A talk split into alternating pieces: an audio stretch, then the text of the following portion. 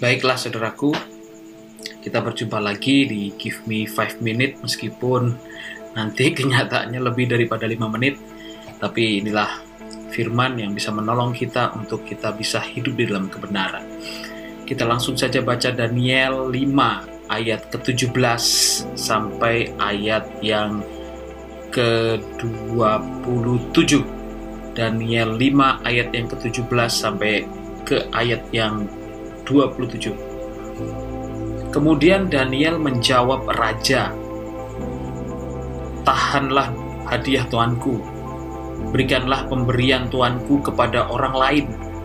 Namun demikian, aku akan membaca tulisan itu bagi raja dan memberitahukan maknanya kepada tuanku. Ya tuanku raja, Allah yang maha tinggi telah memberikan kekuasaan sebagai raja, kebesaran dan kemuliaan dan keluhuran kepada Nebukadnezar, ayah tuanku. Dan oleh karena kebesaran yang telah diberikannya kepadanya itu, maka takut dan gentarlah terhadap dia orang-orang dari segala bangsa, suku bangsa dan bahasa.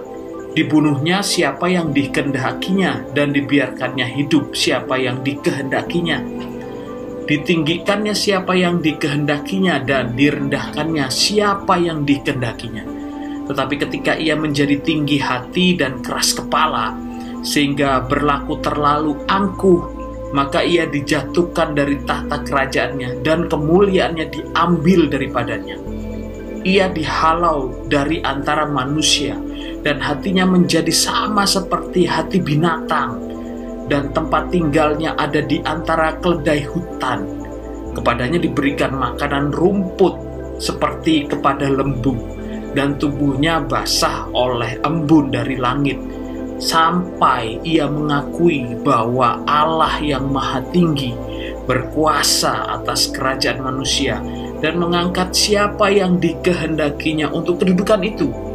Tetapi tuanku Belshazzar, anaknya tidak merendahkan diri. Walaupun tuanku mengetahui semuanya ini, tuanku meninggikan diri terhadap yang berkuasa di sorga perkakas dari baitnya dibawa orang kepada tuanku. Lalu tuanku serta para pembesar tuanku, para istri dan para gundik tuanku telah meminum anggur dari perkakas itu. Tuanku telah memuji-muji dewa-dewa dari perak dan emas, dari tembaga, besi, kayu, dan batu yang tidak dapat melihat atau mendengar atau mengetahui dan tidak tuanku muliakan Allah yang menggenggam nafas Tuanku dan menentukan segala jalan Tuanku. Sebab itu, ia menyuruh punggung tangan itu dan menuliskan tulisan ini. Maka inilah tulisan yang tertulis itu. Mene, mene, tekel, ufarsim. Dan inilah makna perkataan itu. Mene, masa pemerintahan tuanku dihitung oleh Allah dan telah diakhiri. Tekel, tuanku ditimbang dengan raja dan didapati terlalu ringan. Peres, kerajaan tuanku dipecah dan diberikan kepada orang Media dan Persia. Oke saudaraku, kitab Daniel yang sudah kita baca tadi itu menunjukkan bahwa manusia tidak ada artinya di hadapan Allah. Seberapa besar pun dia, setinggi apa pun jabatannya, seluar biasa apa pun dia dan segagah apa pun dia. Allah yang berkuasa, Allah yang menentukan segala sesuatunya, Allah yang meninggikan, Allah yang memberikan kedudukan, Allah yang memberkati, dan Allah yang memiliki semua rencana besar di dalam kehidupan manusia yang kita harus pelajari dan kita harus pahami sebagai anak-anak Tuhan. Dari kisah ini, saudaraku, yang membuat Allah sangat tidak suka yang pertama adalah kesombongan. Saudaraku, Belyasar itu adalah anak daripada Nebukadnezar. Sebelumnya Allah sudah menghukum tentunya jika Nebukadnezar sudah dihukum, tercatat dalam tulisan sejarah kerajaan itu bahwa Allah tidak suka orang sombong. Ya. Allah yang benar sudah menghukum ayahnya, tetapi kelakuan anaknya hampir sama dengan ayahnya. Ini yang jadi masalah. Allah tidak suka yang namanya kesombongan. Menghargai diri secara berlebihan, merasa paling kuat, merasa paling hebat. Dengan demikian dia menomorduakan Tuhan, saudara menimbulkan arogansi. Kita sudah baca bersama-sama tadi. Dan yang kedua yang dibenci Allah adalah kebebalan. Beljiasar sudah mengerti masalah ini sebelumnya, apa yang dialami oleh ayahnya, apa yang menjadi hukuman yang Tuhan timpakan kepada ayahnya. Dia sudah mengerti, tapi dia tetap melakukan hal yang sama seperti ayahnya. Itu namanya bebal, saudaraku Kebebalan itu menimbulkan kebodohan. Ini berbahaya sekali. Sebagai anak-anak Tuhan, kita tidak boleh bebal. Teguran Tuhan itu penting bagi kita. Teguran Tuhan itu berarti kasih Tuhan atas kita. Tuhan mengingatkan kita bahwa jalan kita itu keliru Makanya jangan bebal sehingga kita boleh ada di jalur-jalur yang sudah Tuhan putuskan untuk kita kerjakan. Yang ketiga, memuja kesia-siaan dan membelakangi Tuhan. Wah, bahaya sekali itu. Memuja kesia-siaan dan membelakangi Tuhan. Tidak mengenal Tuhan, bahkan tidak menganggap Tuhan itu ada. Bahaya sekali. Kita ini cuma makhluk ciptaan kalau kita tidak memahami Tuhan, apalagi tidak mengenal, mengarahkan diri kita itu kepada kesesatan, kita menepu angin, melakukan hal yang tidak berguna.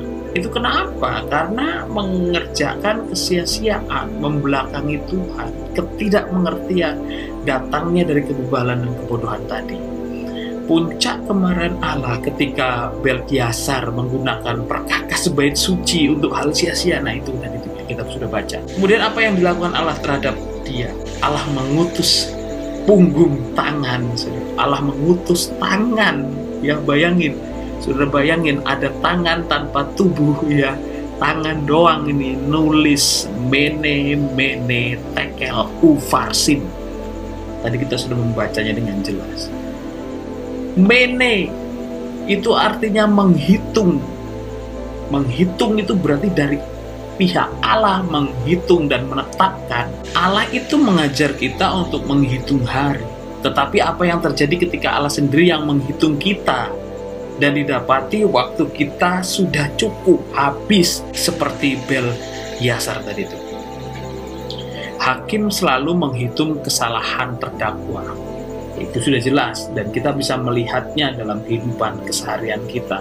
Dan di akhir putusan hakim akan menjatuhkan hukuman. Nah ini yang sudah jadi masalah ketika hukuman itu sudah diputuskan dan kita salah waktu kita sudah habis tidak ada kesempatan lagi untuk memperbaiki nah ini bahaya Nah, pahami kesempatan, waktu, dan perbuatan kita. Waktu kita tidak banyak, kesempatan kita nggak mesti datang, perbuatan kita sudah mengerjakan yang benar dulu. Supaya kita tidak terlambat dan terjatuh dalam berbagai-bagai pencobaan. Nah, kemudian tekel, itu artinya ditimbang. Dan masalahnya ketika ditimbang dengan raja, terlalu ringan Artinya begini saudaraku, jangan sampai ketika waktu kita menganggap sudah memberi yang terbaik. Nah ini saya bilang, jangan sampai ketika kita menganggap diri kita sudah memberi yang terbaik, melakukan hal yang benar, ternyata didapati Tuhan kita terlalu ringan. Artinya yang kita kerjakan belum sepadan dengan yang Tuhan inginkan. Nah, yang jadi Tuhan siapa? Kalau yang jadi Tuhan kamu, terserah tapi kalau yang jadi Tuhan adalah Tuhan semesta alam, dia punya standar dan kita harus mengerjakan apa yang sesuai dengan standar beliau. Jadi kita harus paham itu. Nah kemudian yang terakhir adalah ufarsin, divided, dibagi. Jadi diambil daripadamu. Dibagi berarti ketika engkau punya satu bagian, ya penuh, dibagi dan yang lain akan diambil daripada kita itu yang jadi masalah. Dibagi dalam artian di sini juga dikurangi. Bahaya sekali. Bel-Yasar diambil kekuasaannya dan dibagi dengan kerajaan Persia. Dan kerajaan Persia menjadi lebih kuat dari Babel waktu itu. Kalau saudara baca Lukas 8 ayat 18, saudara akan jelas. Jika kita menerima banyak kasih karunia tetapi tidak berbuah, maka semua kebaikan akan diambil daripadamu. Jangan sampai apa yang mestinya kita bisa buat diambil oleh Tuhan dan diberikan kepada orang lain yang bisa lebih dipercaya daripada kita. Jadi apa tugas kita sebagai umat Tuhan? Yang pertama adalah kita harus memiliki yang namanya kerendahan hati. Kerendahan hati di 2 Korintus 3 ayat 15 sampai 18 itu menghasilkan ketaatan.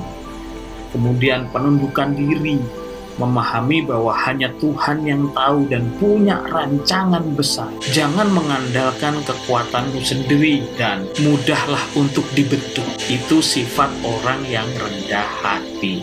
Kemudian yang kedua adalah berusahalah menemukan kehendak Tuhan. Saya ulangi. Berusahalah menemukan kehendak Tuhan dan kebenaran Tuhan. Berarti menyelidiki hidup itu sudah pasti. Mengetahui kesalahan itu harus koreksi diri, itu kewajiban bagi anak-anak Tuhan. Mengerjakan pertobatan.